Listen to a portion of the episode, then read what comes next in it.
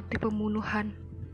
Pada mulanya, Acong mengatakan ia sudah jemu dengan langganan yang tak juga mau pergi selama lima tahun itu. Tapi ia tak dapat menjawab pertanyaan, apa yang dijemukan selama langganan mendatangkan keuntungan? Dan mengapa pula Robert Malema kemudian juga ditampung? Tanya jawab dengan Nyai Otosoro telah membuat perempuan yang jadi bintang pengadilan itu menjadi merah padam. Ia tidak diperbolehkan menggunakan bahasa Belanda, ia diperintahkan menggunakan Jawa, menolak dan menggunakan Melayu. Ia menerangkan, rekening almarhum Herman Malema kepada Acong adalah 45 gulden sebulan yang selalu ditagih di kantornya oleh seorang pesuruh. Belakangan juga rekening Robert Malema sebanyak 60 gulden sebulan. Mengapa Robert membayar lebih mahal? Karena jawab Acong. Si Nyolobel cuma mau Maiko saja yang tarifnya paling mahal dan untuk dirinya sendiri. Apa benar Maiko melayani Robert Malema saja? Maiko membantah. Ia melayani siapa saja sesuai dengan perintah Bapak Acong, termasuk Bapak Acong sendiri. Apalagi karena Robert Malema makin lama makin kehabisan kekuatan dan kemauan. Untuk memuaskan para peminat Maiko, apa selama jadi pelacur tidak pernah mengidap penyakit kotor? Saksi ahli Dr. Martinet menerangkan benar Maiko mengidap sipilis. Apa Maiko tidak menyesal telah menyebarkan penyakit di negeri orang? Ia menjawab, bukan menjadi kendakku bila aku terkena penyakit, Penyakit bukan aku yang membuat. Tugasku sebagai pelacur hanya melayani keinginan langganan. Masih dalam rangka hendak memuaskan para peminat pertanyaan lain datang lagi. Siapa yang membuat penyakit itu? Dengan suara bening dan indah, Michael mengatakan tidak tahu. Bila langganan tertulari karena aku, bukanlah itu menjadi kesalahanku. Apa Babah Acong pernah menyatakan kejengkelannya pada Nyai. Nyai menjawab tak pernah bertemu dengan tenaganya itu seseumur hidup. Ia hanya bertemu dengan rekeningnya. Pertemuannya pertama kali adalah dalam sidang pengadilan. Akhirnya, pengadilan menubruk-nubruk pada banyak soal yang diselahai sehingga sering menjengkelkan orang banyak. Tak hadirnya Robert Malema dan si gendut memang jadi penghalang yang tak dapat ditawar. Tapi dari sekian banyak tanya jawab yang aku nilai sebagai menubruk-nubruk adalah tentang hubunganku dengan analis yang bikin banyak orang tertawa bahak dan cekikan.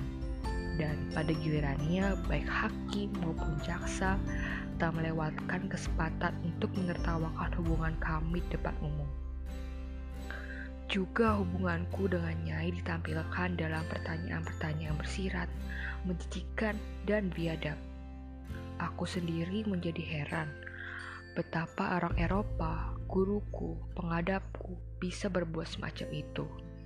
Beruntung, tanya jawab itu tidak dibikin berlarut. Sekalipun aku mengerti tujuannya adalah hendak membuktikan adalah tidaknya hubungan kelamin antara kami atau tidak, dan hubungan kelamin sebagai jembatan keikutran kami dalam tindakan pembunuhan. Acong meringankan kami dengan pernyataannya bahwa Nyai, aku, Anelis, Darsam, dan orang-orang lain tidak mempunyai persangkutan dengan pembunuhan.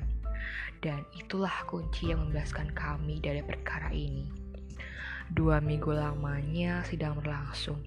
Motif pembunuhan tetap tidak diperoleh dari Acong keputusan pengadilan yang mengecewakan orang banyak, hukuman 10 tahun, dan kerja paksa. Tuntutan hukuman mati karena orang timur asing telah membunuh orang Eropa dengan direncanakan. Di samping itu, terdakwa masih harus membayar ongkos persidangan, biaya penguburan Tuan Malema mendiang, dan mengembalikan kelebihan rekening yang dibayarkan untuk Robert Malema. Ah, Chong menerima hukuman yang dijatuhkan dengan segera masuk penjara. Pembantu-pembantunya dijatuhi hukuman antara 3 sampai 5 tahun. Maiko diperintahkan masuk rumah sakit di bawah pengawasan dokter atas biaya Acong sebagai majikan sambil menunggu kemungkinan dibuka sidang lagi bila si gendut dan Robert Malema telah ditemukan. Pengadilan utama sementara selesai, aku masuk sekolah. Teman-teman sekolah sudah hadir di pelataran waktu bendiku berhenti di pintu gerbang. Mereka menunda kesibukan hanya untuk memperhatikan dan melihat aku lewat. Belum lagi masuk kelas seorang telah menyampaikan perintah tuan direktur untukku dan menghadaplah aku. Inilah kata-katanya. Minke, juga aku sebagai pribadi dan wakil semua guru dan siswa mengucapkan selamat atas kemenanganmu di pengadilan. Secara pribadi, aku ucapkan selamat atas kegigihanmu dalam membela diri terhadap serangan umum Aku dan kami semua bangga punya siswa berbakat seperti kau. Sidang pengadilan telah diikuti oleh para guru dan siswa. Tentu kau sudah tahu juga. Nike memang mendapat perhatian besar dari kami karena memang siswa sekolah ini sekarang dengarkan keputusan Dewan Guru dalam pertemuan-pertemuannya dan perbincangan yang tidak mudah tentang dirimu seorang. Berdasarkan jawaban-jawabanmu di depan pengadilan, Maksudku dalam hubunganmu dengan Anlis Malema, Dewan Guru memutuskan sebagai siswa kau sudah terlalu dewasa untuk bergaul dengan teman-teman sekolahmu dan terutama sekali dianggap berbahaya bagi para siswi. Sidang Dewan Guru tak berani bertanggung jawab atas keselamatan para siswa pada orang tua atau wali mereka. Kau mengerti? Lebih mengerti, Tuan Direktur. Sayang sekali, berapa bulan lagi kau semestinya sudah akan lulus. Apa boleh buat? Semua itu Tuan Direktur sendiri yang menentukan. Ia mengulurkan tangan padaku dan mengucapkan, gagal dalam sekolah Mika, sukses dalam cinta dan kehidupan. Waktu aku meninggalkan kantor, sekolah sudah mulai. Kulihat semua mata ditunjukkan padaku melalui jendela. Aku lambaikan tangan dan mereka membalas. Balasan yang justru membuat hati tiba-tiba jadi murung harus berpisah dengan orang-orang yang ternyata masih memindahkan si pribumi ini. Kusir bendi masih berjaga di tempat. Aku segera naik. Waktu bendi mulai bergerak kusir kupintakan berhenti. Seorang berlari-larian memanggil, Jufrov, Magda Peters, dan aku turun. Sayang, Minke, aku tak mampu memperhatikan kau Aku sudah berkelahi sekuat daya. Sidang pengadilan itu sudah cukup kurang ajar menanyakan soal-soal yang begitu pribadi sifatnya di depan umum. Terima kasih, Jufro. Ia pergi. Aku naik dan Bendi berjalan pelan-pelan atas permintaanku. Ya, dengan itu memang cukup kurang ajar. Jaksa dengan sengaja hendak mengobrak-abrik kehidupan kami di depan umum sebagai sambungan dari perasaan Robert Surhoff Seakan mengulangi pertanyaan Dr. Martina, jaksa bertanya dalam bahasa Belanda yang dijawabkan oleh penerjemah. Minke, di kamar kau tidur. Memang aku menolak menjawab pertanyaan bersirat jahat itu. Tapi secepat kilat, pertanyaan beralih pada Alice. Langsung dalam bahasa Belanda tanpa diterjemahkan. Dengan siapa Jofro Anlis Malema tidur? Dan Anlis tak ada kekuatan untuk menolak menjawab. Maka terdengar suara tawa kikik dan kakak yang menghinakan demonstrasi pula. Pertanyaan yang menyusul menghambalang Nyai Ontosoro. Nyai Ontosoro alias Sanikam, kundik mendiang Tuan Herman Malemu. Bagaimana bisa Nyai membiarkan perbuatan tidak patut antara Nyai punya tamu dengan Nyai punya anak? Derai tawa semakin meriah, ngejek lebih demonstrasif juga jaksa juga hakim tersenyum senang dapat melakukan siksaan batin atas diri wanita pribumi yang banyak diri oleh perempuan-perempuan totok dan indung Eropa itu.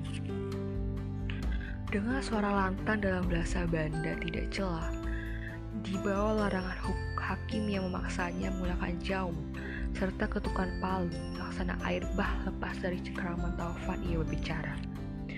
Tuan Hakim yang terhormat, Tuan Jaksa yang terhormat, karena toh telah dimulai membongkar keadaan rumah tangga aku.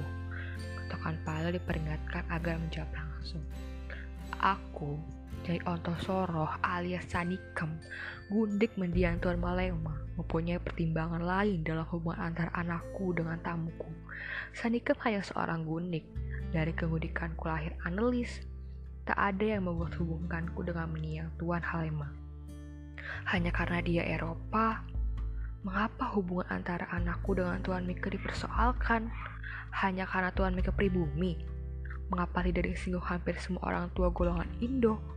Antara aku dengan Tuan Malema ada ikatan perbuat, perbudakan yang tidak pernah digugat oleh hukum. Antara anakku dengan Tuan Mingke ada cinta mencintai yang sama-sama tulus. Memang belum ada ikatan hukum. Tanpa ikatan itu pun anakku lahir dan tak ada seorang pun yang berkeberatan. Orang Eropa dapat membeli perempuan pribumi seperti diriku ini. Apa pembelian ini lebih benar daripada pernyataan tulus?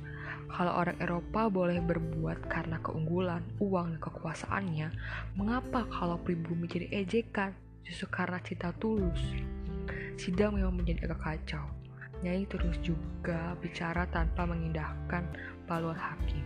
Nyai dipaksa mengakui bahwa Anulis bukan pribumi tapi Indo.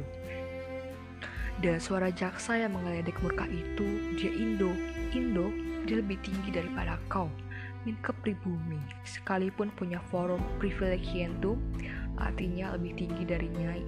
Kau, forum Minke setiap saat bisa dibatalkan. Tapi Jufro analis tetap lebih tinggi daripada pribumi. Analis anakku, tuan hanya seorang Indo, maka tidak boleh melakukan apa yang dilakukan bapaknya. Aku yang melahirkannya, membesarkan, dan mendidik dan membantu satu sen pun dari tuan-tuan yang terhormat. Atau bukan aku yang telah bertanggung jawab atasnya selama ini. Tuan-tuan sama sekali tidak pernah berusaha payah untuknya. Mengapa usil? Saya sudah tidak mengubris kewibawaan sidang. Seorang agen diperintahkan mengeluarkan dari ruangan, dan ia ditarik dari tempatnya tanpa dapat melawan tapi mulutnya terus juga melepaskan kata-kata berisikan butiran-butiran dendamnya. Siapa yang menjadikan aku gundik? Siapa yang membuat mereka jadi nyai Tuan-tuan bangsa Eropa yang dipertuan. Mengapa di forum resmi kami diterawakan, dihinakan? Apa tuan-tuan menghendaki anakku juga jadi gundik? Suaranya bergaung-gaung ke seluruh gedung, dan semua hadirin terdiam. Agen yang menyeretnya lebih cepat dalam melaksanakan tugas. Pada waktu itu, wanita pribumi telah menjadi jaksa resmi, seorang penuduh terhadap bangsa Eropa yang mentertawakan perbuatan mereka sendiri. Ia terus berbicara sampai keluar dari ruang sidang.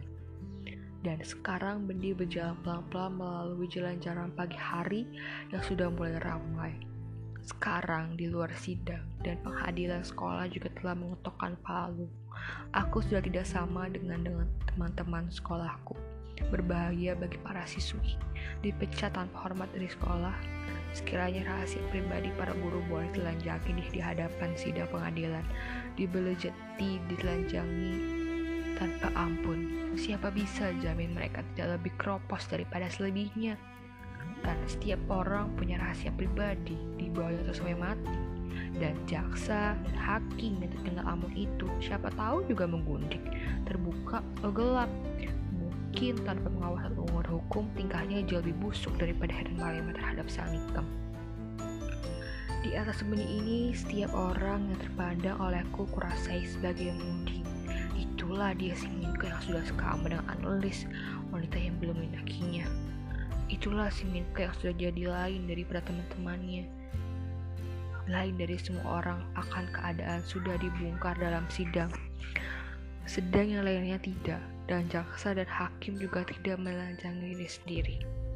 Apa yang kurasakan sekarang ini, perasaan rendah begini adalah yang nenek moyangku menanai langsa. Perasaan sebatang kara di tengah sesamanya yang sudah menjadi lain daripada dirinya, di mana panas matahari ditanggung semua orang, tapi pada hati ditanggung sendiri. Jalan yang terbuka hanya ke hati mereka yang senasib senilai seikatan sepenanggungan. Nyai Ontosoro, analis Jain Martais Darsam. Jadi pergilah aku ke rumah Jen. Kau lesu ke dipecat dari sekolah. Tegakkan dagu. Dan dia yang selalu menegakkan dagu sekarang pun dapat bilang tegakkan dagu. Rasa-rasanya bahkan keriangan sudah tumpas dari hatiku. Sekolahmu itu sudah terlalu kecil untuk memingke. Kalau seorang Mingke sudah patah begini, kan masih ada seorang Mas Tolenar. Dia pandang padaku dari jiwa cadangan. Dia tidak menyadari patahnya Mingkem persut usaha mencari order. Aku sampaikan padanya. Ia terdiam sebentar. Mendadak ia tertawa terbahak dan aku agak tersinggung. Tahu kau Mingke, akulah. Lihat ada kelucuan. Tak ada yang lucu, kataku sebel. Ada, tahu kau? Ada hanya satu obat kesulitanmu. Ika Minke, kau harus kawini analis. Tunjukkan pada dunia kau tidak gentar menghadapi mata setan pun. Biar kau jadi seperti yang lain-lain. Tak banyak yang dipinta mereka, hanya kembali jadi bagian mereka, orang-orang dungu tak berkebudayaan itu. Kawin Minke, hanya kawin. Magda Peters menganggap sidang itu kurang ajar terhadap kami. Memang tidak berkebudayaan, itulah yang penting tepat. Ada juga koran mulai Belanda mengatakan begitu. Hanya tidak sekeras itu. Pernyataan-pertanyaan seperti itu semestinya dilakukan dalam sidang tertutup. Iya, tapi ada koran Belanda yang justru mengatakan Mama kurang aja telah mengacaukan sidang. Tapi kata-kata Mama malah tidak dimuat. Baca tulisan Komer. Dia marah seperti singa terluka. Dia ada pada pihakmu. Ceritakan sajalah, aku segan baca. Tulisnya, perbuatan jaksa dan hakim itu menghina semua golongan Indo-Eropa yang berasal dari pengunikan dan penyayangan anak-anak mereka kalau diakui ayahnya menjadi bukan pribumi dan diakui menjadi pribumi artinya pribumi sama dengan anak gundik yang tidak dikakui ayah ayah ia juga mengancam mengungkapkan perkara pribadi Komer menilai jaksa dan hakim itu tidak berbudi Eropa lebih buruk dari pengadilan pribumi yang dilakukan Wirogono atas diri Pronocitro barang 250 ribu tahunan yang lalu. Mingke, siapa mereka? Aku tak tahu. Lain kali sajalah aku ceritakan. Sampai di rumah aku langsung masuk kantor mengabarkan bencana baru itu dan Ma, bagaimana pendapat mama kalau kami kawin? Tunggu, apa hendak diburu? Aku ceritakan tentang kesulitan yang menimpa usahaku mencari order. Mungkin akan menimpa usaha Jen meraih juga. Apa boleh buat nak? Nyasa belum bisa meluluskan. Hari-hari persidangan telah banyak menggigitkan perusahaan. Perusahaan harus diusul lebih dahulu karena tanpa perusahaan jalan baik, keluarga ini akan kehilangan kehormatannya. Aku harap kau bisa mengerti. Aku perhatikan bibirnya ia bicara dengan tenang itu. Ia benar-benar mengharapkan pengertianku. Mingke, telah lama aku renungkan keanehan hidup ini. Kalau aku tak berhasil menyelamatkan perusahaan ini, aku akan merosot jadi nyai biasa yang boleh dihinakan semua orang, dipandang dan di sebelah mata. Anglis akan sangat menderita. Percuma aku nanti sebagai ibunya. Dia harus lebih terhormat daripada seorang Indo biasa. Dia harus jadi pribumi terhormat di tengah-tengah bangsanya. Kehormatan itu bisa didapatkan hanya dari perusahaan ini. Memang aneh, nak. Begitulah monyetnya ini. Ana sendiri bersedang bekerja di belakang. Duduk di kursi dalam kantor begini masa totok. Indo dan pribumi membayangkan di hadapan mata batinku. Mengusur kenasaan sendiri. Unsur-unsur itu membentuk jaring-jaring kehidupan las laksana jaring laba-laba. Dan di tengah-tengahnya adalah si laba-laba. Kundi ketawa nyai-nyai. Dia bukan menampung semua korban yang datang padanya. Sebaliknya, jaring-jaringnya memenangkapi semua penghinaan untuk ditelannya seorang diri. Dia bukan majikan biar hidup sekamar dengan tuannya. Dia tidak termasuk golongan anak yang sendiri. Dia bukan totok, bukan Indo dan dapat dikatakan sebagai pribumi lagi. Dia adalah gunung rahasia. Dan tanganku mulai mulus lancar. Pikiran Komer dapat dikatakan tulang punggung tulisan sekali ini. Dan matahari sudah tenggelam. Dan tulisan itu mulai mendapatkan bentuk Ya Allah, juga kenaksaan bisa menghasilkan sesuatu tentang umatmu sendiri. Kau juga lah yang perintahkan umat untuk berbangsa-bangsa dan berbiak. Hubungan laki perempuan yang terjadi karena perbedaan kemampuan sosial dan ekonomi bisa kau ridhoi. Mengapa hubungan sukarela tanpa beda sosial ekonomi begini? Dasar saling tanggung jawab begini tak kau ridhoi, hanya karena belum menurut aturanmu dan semua itu sudah kau biarkan terjadi. Melahirkan golongan Indo yang begitu berkuasa atas mereka yang lahir dengan ridhoanmu. Aku berpaling kepadamu karena orang-orang yang dekat denganmu Kalau yang menjawab sekarang, aku hanya mulai tentang yang ketahui dan yang kuanggap aku ketahui. Bukankah segala ilmu dan pengetahuan juga berasal tidak lain dari kau sendiri? Sepuluh hari setelah terbit tulisan Max Lenar tentang masalah totok Indo dan pribumi, Magda Peters datang ke rumah pada jam pelajaran. Tuan direktur memanggil dan aku menolak dengan alasan tak punya sangkut paut lagi dengan sekolahan. Nyai juga berkeberatan bila aku pergi. Anlis melarikan diri ke kamar. Sesuatu telah terjadi, kata tamu itu. Bagaimanapun kau harus datang, sebelum itu terimalah ucapan selamat untukmu. Tulisanmu yang terakhir betul-betul seruan pada kemanusiaan, menggerakkan nurani orang untuk menghadapi masalah ini saya lebih bijaksana, dan kau yang semudah itu. Jadi aku berangkat juga. Sepanjang perjalanan Magda Peters berkicau tentang kebanggaannya punya seorang murid seperti aku. Dan aku sendiri merasa terbelai setelah pengalaman mengebul belakangan ini.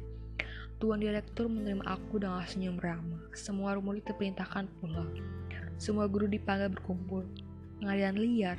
Mengapa semua ini dilakukan hanya untuk seorang? Apa pentingnya seorang aku? Tuan Direktur membuka pertemuan dan sudah menjadi tradisi Eropa menghargai prestasi budaya dan manusianya.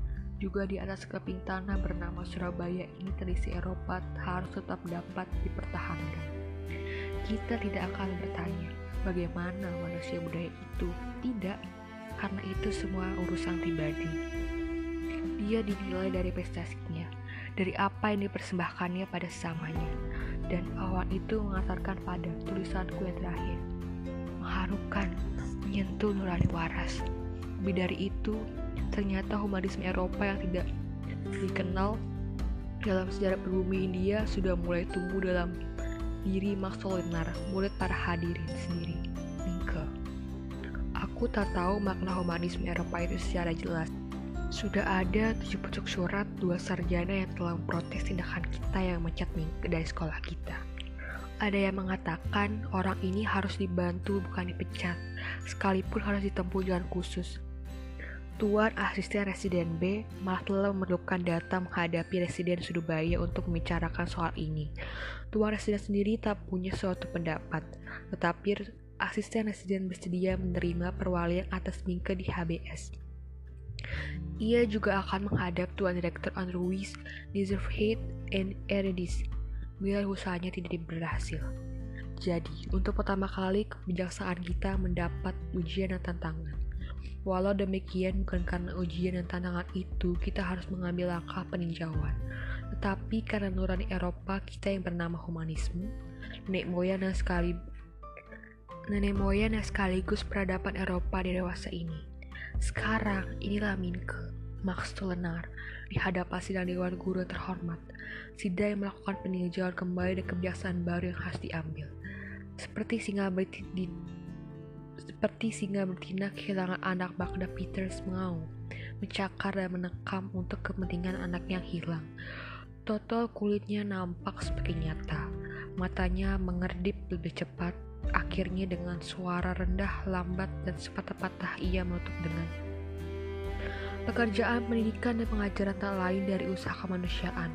Kalau seorang murid di luar sekolah telah menjadi pribadi berkemanusiaan seperti Minggu, sebagaimana dibuktikan dalam tulisan-tulisannya terakhir.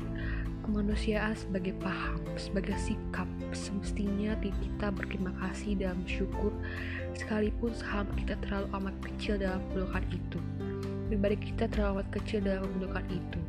Pribadi luar biasa memang dilahirkan oleh keadaan dan syarat-syarat luar biasa seperti bahalnya pada Minke maka usulku hendaknya dia diterima kembali sebagai siswa untuk dapat memberikan parinya dasar yang lebih kuat bagi perkembangan di masa-masa yang mendatang. Sedang itu dengan aku sebagai terdakwa bisu yang tidak mengerti mengapa diharuskan menyaksikan semua ini, akhirnya menerima aku jadi siswanya kembali dengan ketentuan tertentu, khusus harus duduk di bangku terpisah dari yang lain, dan selama di dalam dan di luar kelas tidak boleh berbicara sama siswa, baik karena menjawab atau bertanya. Bagaimana pendapat Mingke setelah mendengar semua ini? Tanya tuan direktur dan hendak bercuci tangan. Selama ada kemungkinan aku akan terus belajar sebagaimana kehendaki sejak semula. Kalau pintu dikebuka kembali untukku, tentu akan kemasuki.